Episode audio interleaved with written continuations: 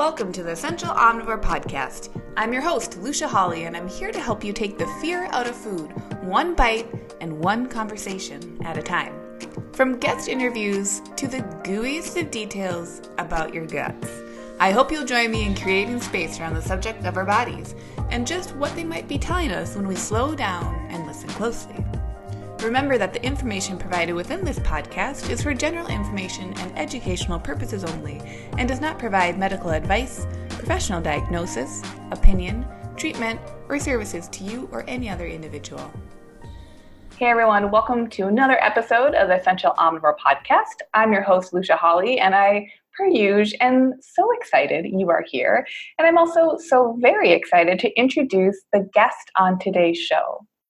So today I have Shirin Eskandani on with me. And Shirin is a certified professional life coach and the owner of Wholehearted Coaching. Shirin is someone that I have been following on ye old social media for quite some time and completely fell in love with the message that she was and is showing people. And her message is in really the idea that you have the right and you have the ability to reclaim your joy and you can define what joy is for yourself. That, in and of itself, is so powerful when it comes to life coaching.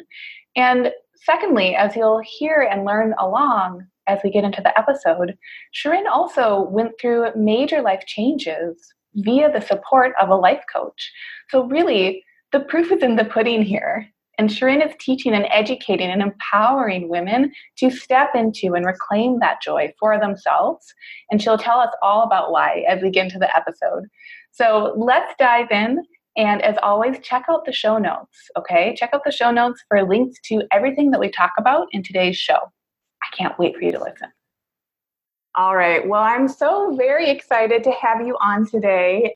I feel like half of the people that I'm with like already follow you and know you, but for anyone who doesn't, can you give us just a little bit of introduction about what you do, the you know the life coaching that you offer, and then maybe we can jump into a bit of your backstory. Yeah, so I am thrilled to be on the podcast. We've been trying to do this for a while, and I'm so glad it finally happened. So thank you for having me, first of all. Mm. Um, but yeah, so I am a life coach and I specialize in mindfulness and mindset work. And I really, what I, I feel like I do is I help women reach big goals, big dreams, and doing it in a way that is nurturing and compassionate and kind so that you know we reach the goals we get there but we're also getting there in a really fun and joyful and loving way. Of course there are challenges because that's just life but it's like how do we deal with those challenges being really kind to ourselves so we can be resilient and we can sustain this beautiful you know journey that we're taking? Yeah that's incredible. And so i'm betting then that likely this part of your life coaching includes having a history yourself of saying like okay I've got to make some changes and like I want to enjoy these changes that I'm making and like change these trajectories of where I'm going with my life. Yeah, totally. So this is definitely um, my backstory. So I am an opera singer, and it's actually something that's I'm kind of phasing out of my life right now as I delve deeper into coaching. But my background is a singer, and I sang from when I was like a very young girl. And I grew up in a household where that was like go pursue your dream. Like I was very lucky. I thought all households were like that. And then I got older and I was like, wait a second. yeah, no. So my parents really lovingly encouraged me and supported me to sing and pursue my passion. And so I did just that. I threw myself into singing and um, I loved it. You know, I'm I'm innately a very positive and happy and joyful person, and so being able to be expressive and free and creative on stage was it just added to my happiness and joy. Somewhere along the way, though, I started becoming you know really hard on myself and i started to kind of lose that joy and lose that happiness and get really into what i call like hustle mindset, which is mm. like doing and proving and striving constantly, um, which is a mindset it's, it's, concerned more about what other people think of you and what other people think you should be doing as opposed to what you think of you and what you should be doing right mm-hmm. this is all of course hindsight but um but you know like the hustle it really got me far. I, I moved to New York and I started my master's there. And my dream was to one day sing at the Metropolitan Opera, which is like the number one opera company in America, one of the top in the world. And I, in 2016, got the call from my manager that every opera singer dreams of, which was the Metropolitan Opera wants you to sing in Carmen next season. Wow. Yeah, yeah like total total dream come true. You know, like it was a moment that I had been dreaming of. And it was a moment that as a young girl, I dreamed I would like dreamed of getting and I would feel so happy and joyful and excited. And then as a young woman in my 20s, it was a moment that I thought would be filled with this sense of worth and value. Like if you ever get this job, you will know you're good enough. Like this is the sign. Yeah. And I'll never forget getting the contract and I looked at it and I just realized in that moment, like, I'm not enough and this is not enough. Wow. Yeah, like that was my first thought. Like, you don't deserve this job. Mm. Right? You're going to go to rehearsal. Everyone's going to be like, what is this girl doing here? She doesn't belong here. And also realizing that, like, this wasn't enough to make me feel valued and worthy and enough, you know? And so in that moment, I woke up and I realized that I had been chasing external goals, right? Chasing achievements, hoping that I would feel better on the other side, you know? And this was my like Mount Everest goal. Mm. And I got there, I got to the top of Mount Everest, and I was like, oh, I still feel like shit, you know? what the heck? what the heck? But I got the thing. Yeah. so so really in that moment, like I woke up and I realized I had to stop chasing conditions I really had to look within and change what was happening within. And that's when everything kind of shifted for me. Yeah. And so once you had that realization, how did you then pivot? So you're like, okay, something has to change. Was there then coaching or was there someone who was like, hey, maybe that hustle isn't as fulfilling? Or what was that next step that then got you to say, oh, wait, there's something that I could be changing from within? Yeah. So I started doing a lot of self work. So at that point, it looked like meditation, mindfulness. Like I was reading, I, I love the Buddhist philosophy. So reading a lot about that, um, meditating. And then, you know, I'd, I'd gone to therapy for a really long time and I love therapy. But I think sometimes with therapy, it's like, okay, I know these are my issues. I know this is where they're rooted from, but how do I move beyond that in my day to day? And that's where I think coaching really helped me because coaching has that aspect if you have the right coach, which for me, I found an amazing coach, which was like, yes, let's acknowledge and let's unpack this history.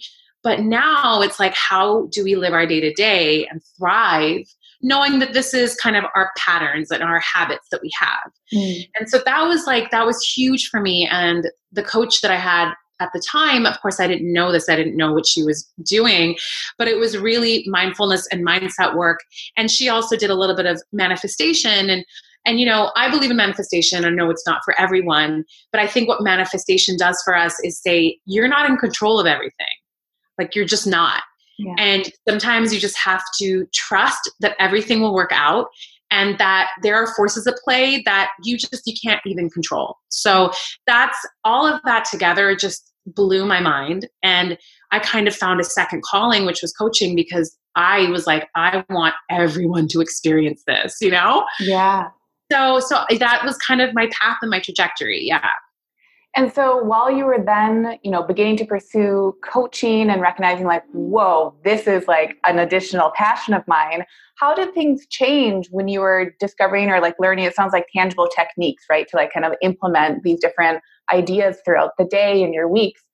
How did or did, period, did things change with the opera singing or how you were approaching that part of your life too? Yeah, so for me, what was amazing about that time was I knew I wanted to reclaim my love for singing because I had lost it. Mm-hmm. And this is one thing that I really, really stress, especially when I'm working with my clients. You know, when we have a passion, a love, and we decide, okay, I'm going to go pursue this, you know, that feeling you have the first day that you decide to do it? It's like amazing, right? Oh, it's yeah. like, you're alive, everything's exciting, it's technicolor, it's possibility, right? It's like a natural high. yeah, it's a total natural high. And then you get like six months, a year into that venture, and it's like the realities of everything sets in, and it's like you lose that, right? You lose that perspective. And so that's what had happened for me. And it's like that I needed to find that perspective, that love again. And so I always say that my greatest accomplishment was not singing at the Met. My greatest accomplishment was singing at the Met and enjoying every second of it. Wow. Like I enjoyed, I messed up. I had some off days, but I was so present. I was so in awe and gratitude every time I stepped on that stage. It was like uh, I was that little girl up there, you know? So, and what I had really developed at that point was a strong sense of self compassion, right? So if you do mess up, how do you navigate that? Right? A strong sense of what success looked like to me, right? Like every performance, I had a different barometer of success, which depended on what that day looked like. You know, some days we're at 100%, and that day's success is going to look different than the day we wake up and we're like, oh, I'm at 60 today, you know? right, right.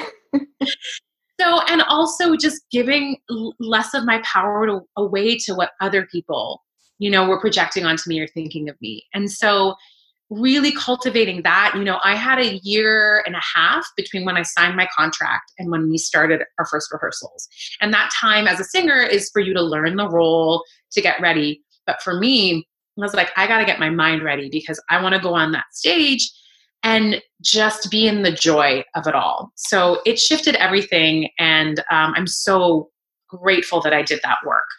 And how incredible that there was that year and a half. I, I had no idea that that length of time, if it's typical or not, but that's incredible. So you're learning, and then you're also, oh my gosh, doing all that mindset work of saying, like, it sounds like really saying, how can I be my most present self?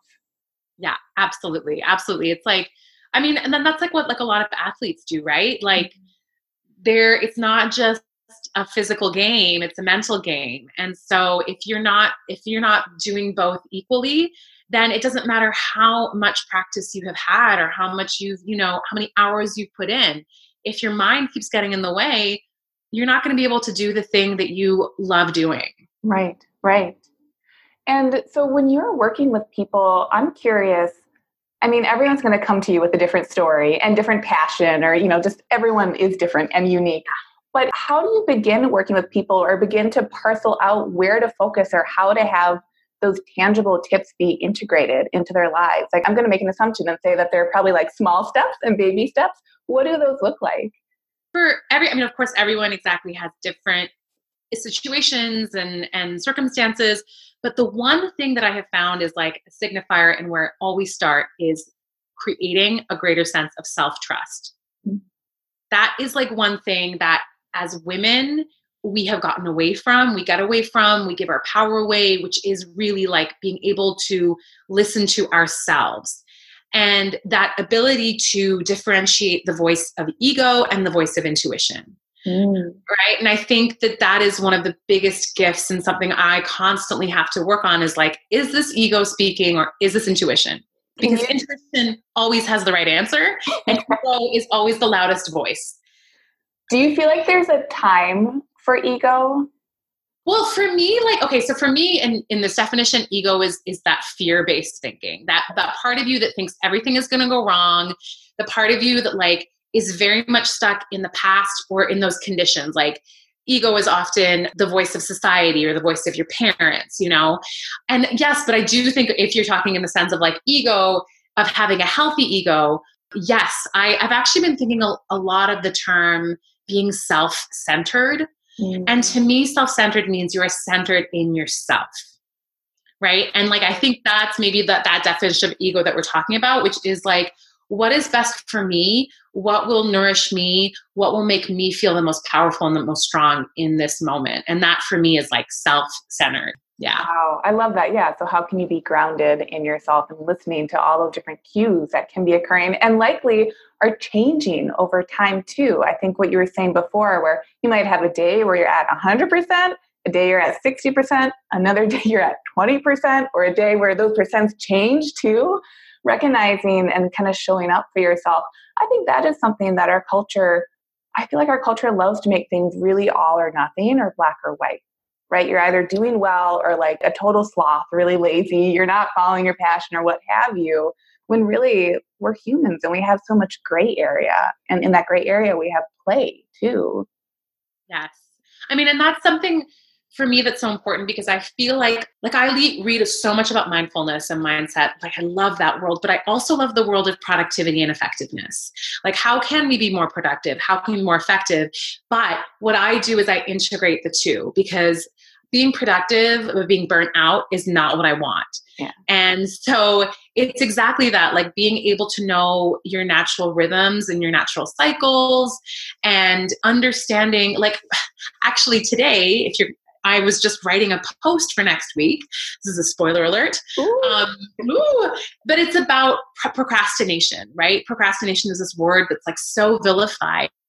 But for me, procrastination is not a character flaw. It's either wisdom or it's fear, right? Like either procrastination is wisdom saying your intuition saying you need to slow down. You're doing way too much. You need to rest.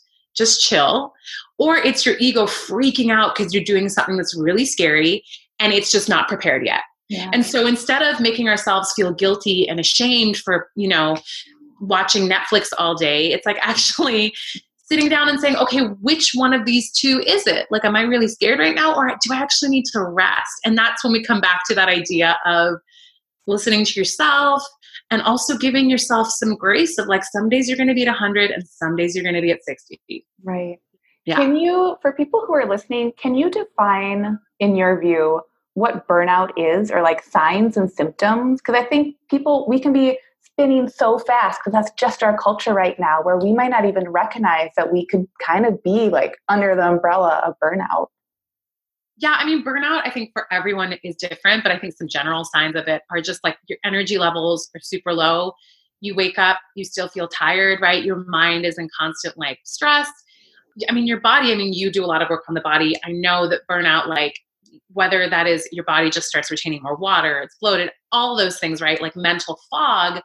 But also burnout, I feel like when it comes to creating your work, if you really love the work that you're doing, it's a lot of that like hitting a wall, not wanting to sit down and do the work. Like there's going to be challenges, but I think we know the difference between, you know, it's that moment where you start resenting the work Mm. You start mm. resenting your clients. You start resenting sitting down at your computer. You know, that's where I feel like, okay, I feel like this is this is burnout. Like I, I just can't seem to get anything done, even though I'm being crazy productive at the same time, you know? Right, right. You're spinning all the plates in the air at the same time. Yes. And so, with that, then, when you're working with people, what does that look like if someone's coming to you and they're totally burned out? Is it more of the mindfulness practices? Is there like hey, actually go watch Netflix for a while and then like next week we'll chat, but like go rest? yeah, I mean, I think what often as a coach I do is I give people permission, right? Which is give permission to to rest or to just do less. And that actually is something I had to learn, mm-hmm. which is if we want to work in joy, which is really important for me, we need to do less. Like you have to do less and be more. Right. Do you know what I'm saying? Yeah. And so that is really scary at first, especially like I listen, I'm an immigrant, I'm a woman, I'm a lady, uh, I'm a Leo. So all of these things together, I have tendency to work like not just hard, but like over the top 110%. Like 110% is my normal. Yeah. Right. And so I remember when I first was like, you have to do less. It terrified me because I thought I wasn't going to be productive but I was. I was just as productive and I felt like I could actually acknowledge my productivity, mm. right? Because I feel like when we're doing a lot, you're just doing all these things and you're glossing over all these things you're doing. So it feels like you're doing nothing. Right. Whereas if you say to yourself, and I, I have this a thing that I do with my clients and myself, which is when you're creating your to-do list at the beginning of the day, I have this thing called 331. And it's three things that are for your business, so three to dos, but that's it. Just three things that are you can do, but are just a little challenging. And then three things that are personal, right? Like make a nourishing dinner, go to the gym, call my mom. Mm. And then one intention for the day, right? Whether that's like you wake up and you're like, oh God, you know, today I think I need curiosity or compassion or joy and just kind of ground yourself in that. And anything on top of those three is the cherry on top. Yeah. Yeah.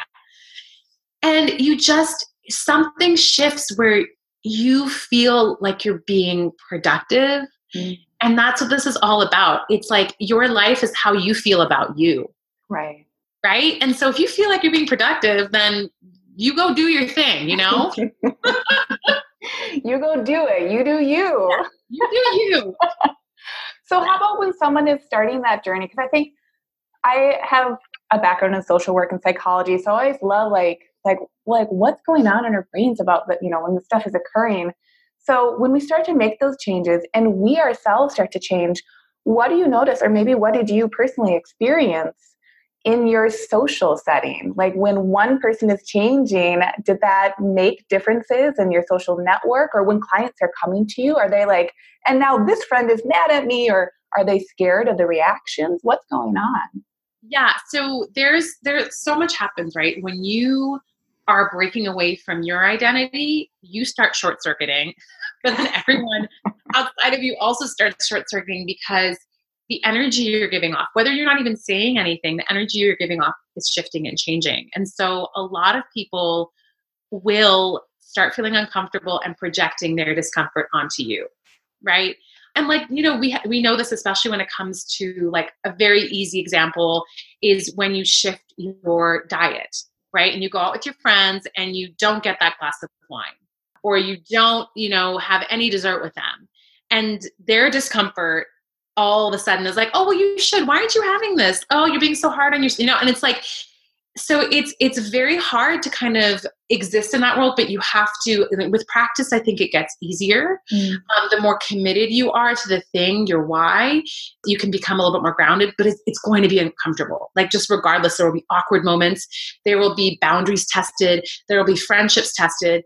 But also knowing that there is a new group that you are growing into Mm. That on the other side of this growth, there will be another community. And, you know, some of the people in your past will still be there. And then you'll get some of these new people who will get you on a whole different level, you know, and that's what I found. I found that I now have this community that gets me so deeply. And most of them are people I met through Instagram, like you. Love it. right? yeah. Um, and, and, and, but we, we like, we found each other. And it's like, ah, oh, like when I talk about this, you understand, or when I ask you about this, you can help challenge me or support me or nurture, like whatever. And and that's kind of incredible. So knowing that, you know, I just wrote about this again, which was the people who brought you this far may not be able to help you get to the next mile marker. Mm. You know, and that's really kind of it's heartbreaking. It's very heartbreaking. It is. But at the same time, we just that's part of growth that when as we grow actually our community changes and transforms too yeah i think that's so profound and that it it also with what you said that it it brings respect to the relationships that we all have had. Instead of saying like oh i can't believe that you know that went on for so long or what have you it, it changes it into more of like a a learning or a growth scope saying oh wow you know all the things that i did learn or those experiences were for old me and now for new me like i'm going to move towards what i gravitate towards. And i'm sure you've experienced this as well where you know we have both made a commitment to changing our lives transforming and i have found now years later people from my past are like wait a second like what are you what are you doing and now they're curious about the things that i did and they're transforming and changing in their own way so we also have to know that we just have to do ourselves and transform. And some people will be like, wow, that's amazing. I really want to hear more about that and I want to grow alongside of you.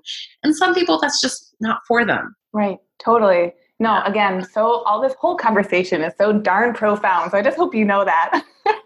but I was talking with someone, oh gosh, earlier this week or last week, where they made big, big changes in their food and nutrition because they really needed to for their own health and wellness. And, you know, through our conversation, I really wanted them to know it's like, you're a leader. And I think we don't bring that into these conversations enough is that when you're feeling grounded, like like self centered, you're centered in yourself and you're moving through and even when the change is scary and like you like you said, things you goof up, things feel weird. You don't know what the hell you're doing maybe.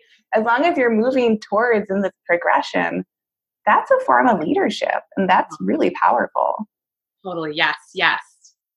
So then I'm going to switch things just a little bit because I want to touch on this for people who are listening. I know that, and maybe this occurred when you started the life coaching, that you also have had a shift in wellness and health. Could you speak to that a little bit and what that journey has been like? Yeah, so actually, my journey to kind of shifting my perspective on my health and my wellness that actually started before the coaching and mm. before all of that transformation. Like, I feel like one transformation at a time. Yeah, right. it's all interrelated. But um, yeah, I made a commitment to just living a healthier lifestyle for myself. And in that process, I lost a lot of weight and I, you know, took up really n- new habits. Like I work out, you know, at least five times a week now. Um, you know, the food that I fill myself with is really nourishing and healthy and most of the time. And so, um, but that was something that, you know, at the time I was really struggling with my weight. I've always struggled with my weight from as it from a young age. And actually, now that I'm saying struggled, what a terrible verb to use for weight. Totally. Oh, oh my gosh, that's horrible. Okay. That's going to be a new blog post. yes, right? Oh my gosh, new wholehearted Wednesday. Yes. Wow, that's that's really internalized. Oh my goodness. Yeah. So, and I mean, I come from a culture like every culture, which really puts on the pedestal being skinny, which of mm. course doesn't mean being healthy, right? Being skinny. And I grew up in a city where I did not look like most of the women in that city, mm-hmm. um, not just body wise, but ethnically. I was not like, so I, and I'll never forget the day I moved to New York and I was surrounded by women of all backgrounds with all these different types of bodies. And so many of them were so confident walking down the street. And I just realized, oh my goodness, you are so incredibly beautiful. But it was one of those things where I needed to see it first. I needed to see the proof. And I had grown up not seeing that at all. Yeah. And so I think moving to New York and just having that environment around me really helped shift things. And I started motivating my change less from a place of, self hate, right? When it comes to your body, to like, oh, my body's really hot and I'm going to take up, now I feel more comfortable going to the gym and now I feel more comfortable weightlifting. And so, so I think that's where the transformation happened. Yeah. Oh, right, right. That again, it was coming from that place of being self centered within yourself and like the mindset too. Exactly. That's incredible. And that environment piece, it is so important. Yeah, it's hard not to see yourself reflected in your environment it's hard like and it's you know for people who have been able to not have their environment kind of reflect their beauty or the way that they think and the way that they are and still come out feeling really self-confident and be able to voice their opinions like you all are amazing. Yeah. but um, sometimes you just need a little bit of that outer support to be like oh okay and and to start shifting on the inside. Yeah. When people maybe people clients that you're working with when they are seeking out are identifying that they need different environments how do people how do you find them? How do you get those? I think that can be really really challenging. Oh my gosh it really is. Um but actually so chrissy king who you know um, mm-hmm. whom i love and adore we just did a uh, little breakout session at the Ignited Women's Summit this past weekend, which was amazing. But it was kind of on this theme of using your voice. And we were talking about how when you really step into your voice, which is terrifying and scary, right? Because you may be saying things that are against the grain, you may be saying things that make you feel uncomfortable. But when you start using your voice, you start finding the reflections of you out in the world because they're trying to find you too. You know so i think it's it's just knowing that on the other side of discomfort is so much goodness mm-hmm. right? And that discomfort and feeling uncomfortable doesn't mean that something is wrong. It just means something's a little scary. Right. You know and i think that's kind of the reframe that we need to have with that because on the other side of that discomfort is your community is maybe a new job is a new path a new life you know? Right and again it takes it from being almost from like that scarcity mindset of like oh i don't know i better not i better stay comfortable and say no there is goodness. You can find it and you have to trust that in yourself that once you are stepping into yourself that will happen. That trust can be scary. Oh super super scary super yeah. scary and i think the more you do it and the more you see the positive results of it that's when it's like you feel more comfortable right, right. um the first couple times it's going to be terrifying and then when you see oh actually this sometimes works out or i get these really amazing things that's when you feel more comfortable to keep doing it yeah mm. for sure like a snowball effect exactly exactly so i'm curious on your thought as well why do you think our greater culture doesn't support this? Why do we have to seek this out or have these big, like, big pivotal moments in our own lives to say, oh, wait, shoot, this is on me. I better do this. Why do we? It seems like we have to do a lot of unlearning before we can relearn or kind of reconfigure these ideas. Oh my gosh, that is such a great question. I think, no, but I mean, well, one thing I think is there is this really great Rumi quote, and I'm going to totally butcher it um, but it's something along the lines of like you need to constantly break your heart like again and again in order to find freedom mm. in order to find that freedom and this is like rumi writing this back in the day right so yeah. this is obviously this is how humans operate right like we want to feel like we're part of a community. We want to feel like we're part of the group. So, whatever group or community you're born into, obviously you're going to adapt to that way of thinking and being because that's just our human nature is to be accepted and loved, right? Mm-hmm. And as we grow up and we start really finding our identities, I think that's the thing is we have to become comfortable with our heartbreaking, you know, and realizing that on the other side of heartbreak is growth, is is goodness. And and i think that is the big shift is like we have to keep breaking like throughout all of our lives you know? Right right. And once we choose one break or move through it we have to be comfortable that another that maybe we can't control or guess is gonna come up. Yes exactly. i love i love that we're talking about this the day after valentine's day too. Social media was whack. I mean, it was great, but it was like all the messages all across the board and recognizing that heartbreak is part of life in whatever capacity we're talking about it. I think that there's a lot of empowerment there. Right. And, you know, speaking of Valentine's Day, you know, Valentine's Day is about love. And I think in our culture, especially as women, we really struggle with love.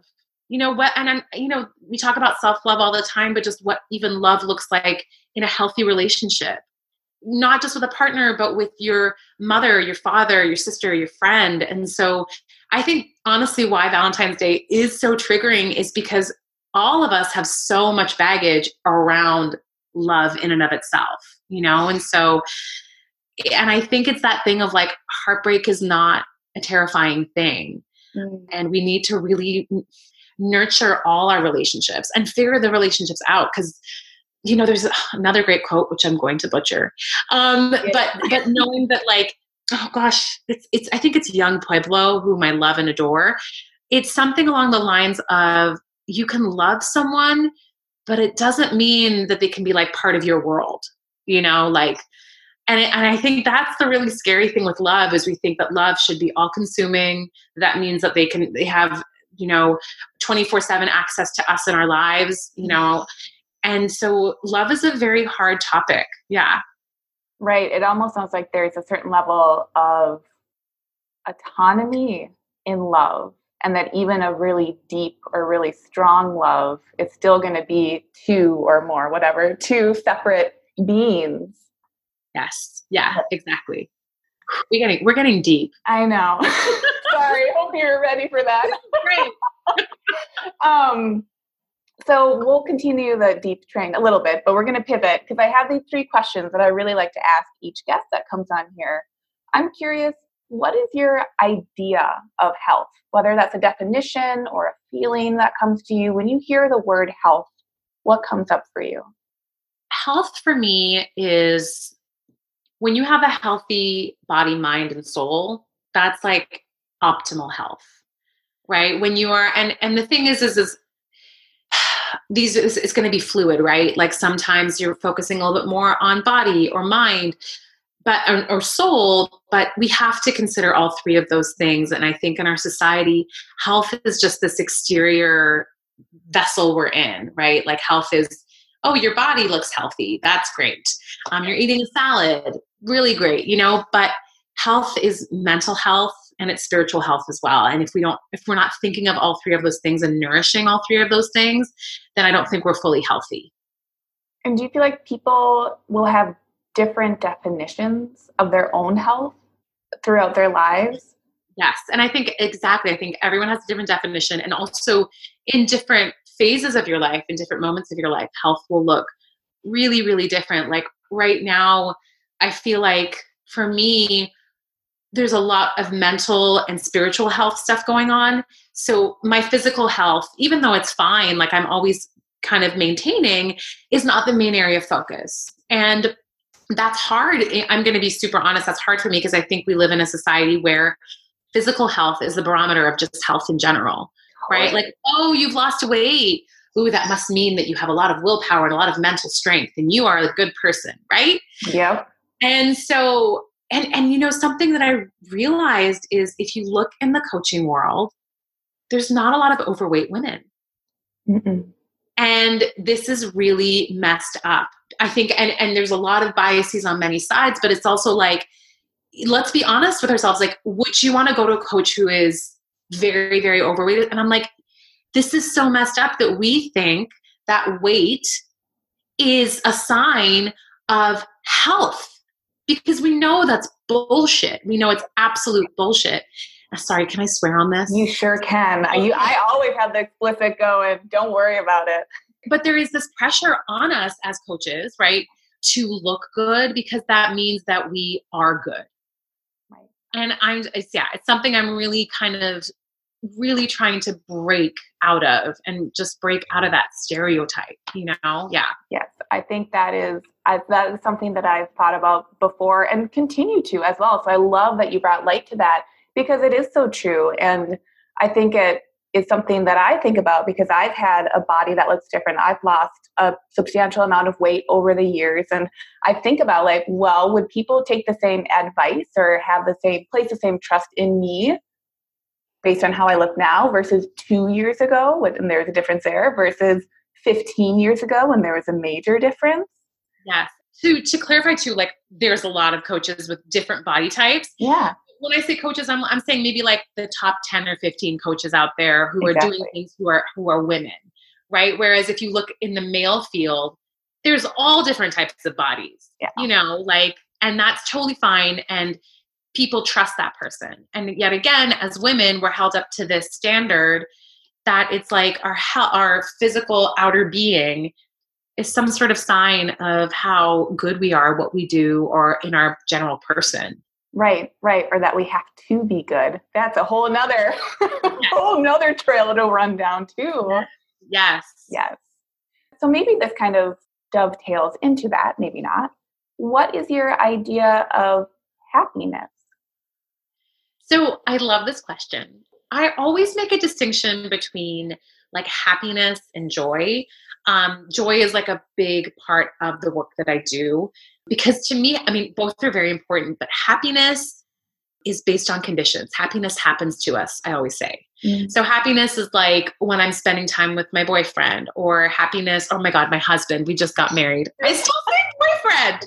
I'm sure all that stuff is so difficult. It's just, again, like paradigm shift it's uh, anyways more happiness is when i'm you know um going for a run and stuff like that but like for me joy is so important because joy does not depend on conditions. Mm-hmm. joy is like innate. It's this innate sense of i embrace and accept my life right now exactly as it is and i am in gratitude and awe of all of its mess and all of its beauty and that is what i'm always working towards and trying to always ground myself in yeah mm.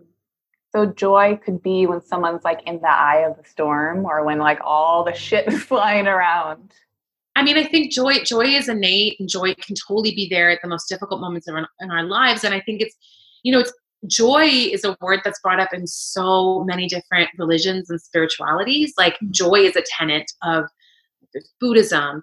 And if you look at spirituals, like we're talking about joy because joy is something that I think is connected to your soul. It is so inner. And and despite the circumstances that may be crappy or seem crappy, um, you can be grounded in the sense of self, which is joy. That's beautiful. Yeah. So, and maybe I, well, I'm going to stop assuming things. I just had like, oh, maybe she's going to say this. Whatever. My last question in these yes. questions is what is your favorite word? Joy. okay. that was my assumption. I didn't want to say it. it is. I say it all the time. My gosh, it's like, uh, it's an inside joke with me and my husband. We'll just be like, joy. um, but I do, I think joy is, is for me, right? The definition of joy is just so all encompassing, right? It's like when we can be at peace with ourselves, with our lives, and be working towards things, but not attaching our sense of self towards those things.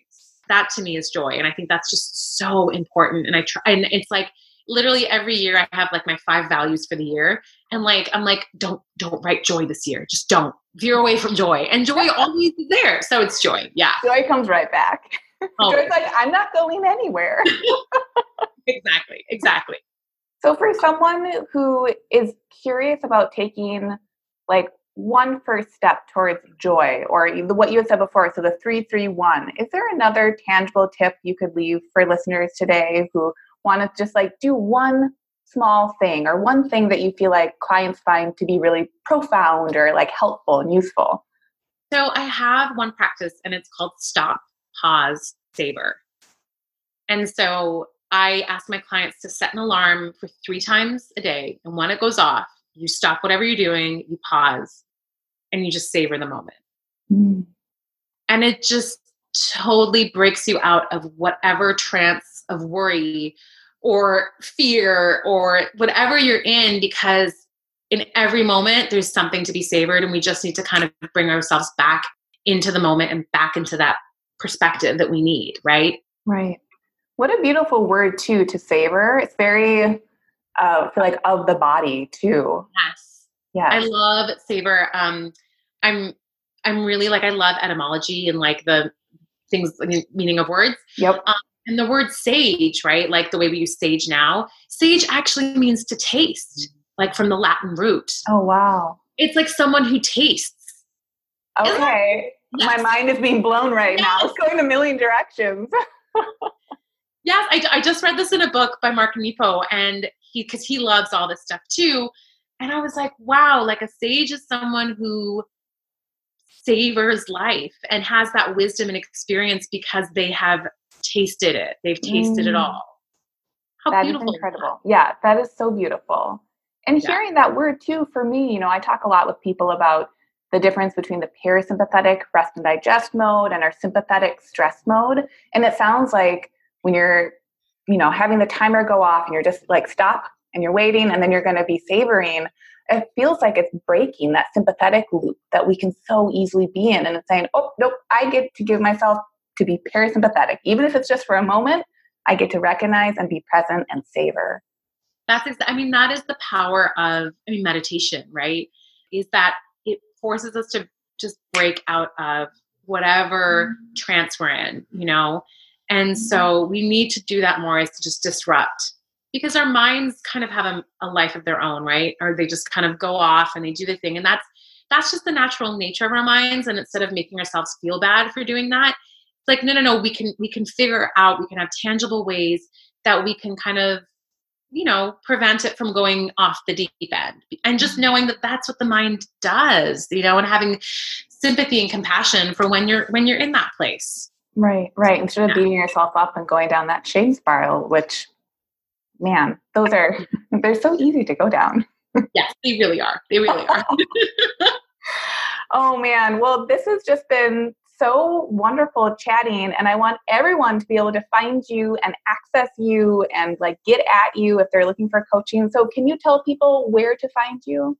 Yeah. So, my Instagram is Wholehearted Coaching and I post pretty often there with a lot of my ideas and, and, thoughts and all that. Um, and then on my website, you can find me at wholehearted-coaching.com.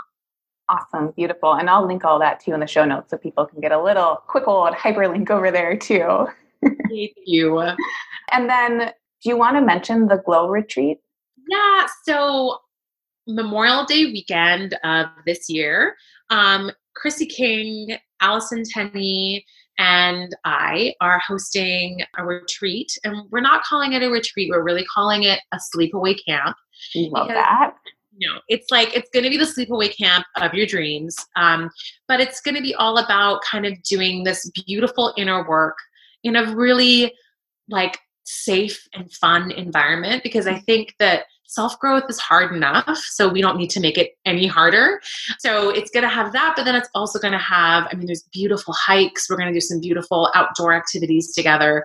So, really just nurturing body, mind, and soul. And there's also a spa at um, the tr- retreat centers. So, we will have access to that as well. So, it's in Denver, it's Memorial Day weekend, and we are opening registration actually, I think around next week, which is the week of February the 18th. Yes. Okay, yeah. cool, cool. So pretty much right when this, I think this, is, uh, yes. this episode will be releasing. yeah, exactly. Oh my gosh. Yeah. What, yeah. What an amazing experience. Yeah, I mean, I think we've talked about this today, which is like finding new community can be challenging. So sometimes we have to take these like risky steps and, you know, fly across the country and go to a retreat or you know send a dm to someone on instagram that we think is really cool. And from these experiences we will find the most amazing people and the most amazing community. So that's what the glow up is also in honor of is finding your people. Yeah. Right. And it sounds like especially again all three of you who are hosting it that that is something that you each have experienced or perhaps experienced with each other but individually as well too being like getting out of my comfort zone meeting up with these badasses Exactly. That's exactly how we all met. I sent Chrissy a DM and then we became like best friends. And Allison sent me like a, a message and, and that's how we became best friends. So yeah. That that's the beautiful power of the internet right there. Yes. well, thank you so much for coming on. And I'm so excited for people to be able to listen to your message and know what you offer and recognize that they can reclaim their joy. It's their right and it's probably right there for them.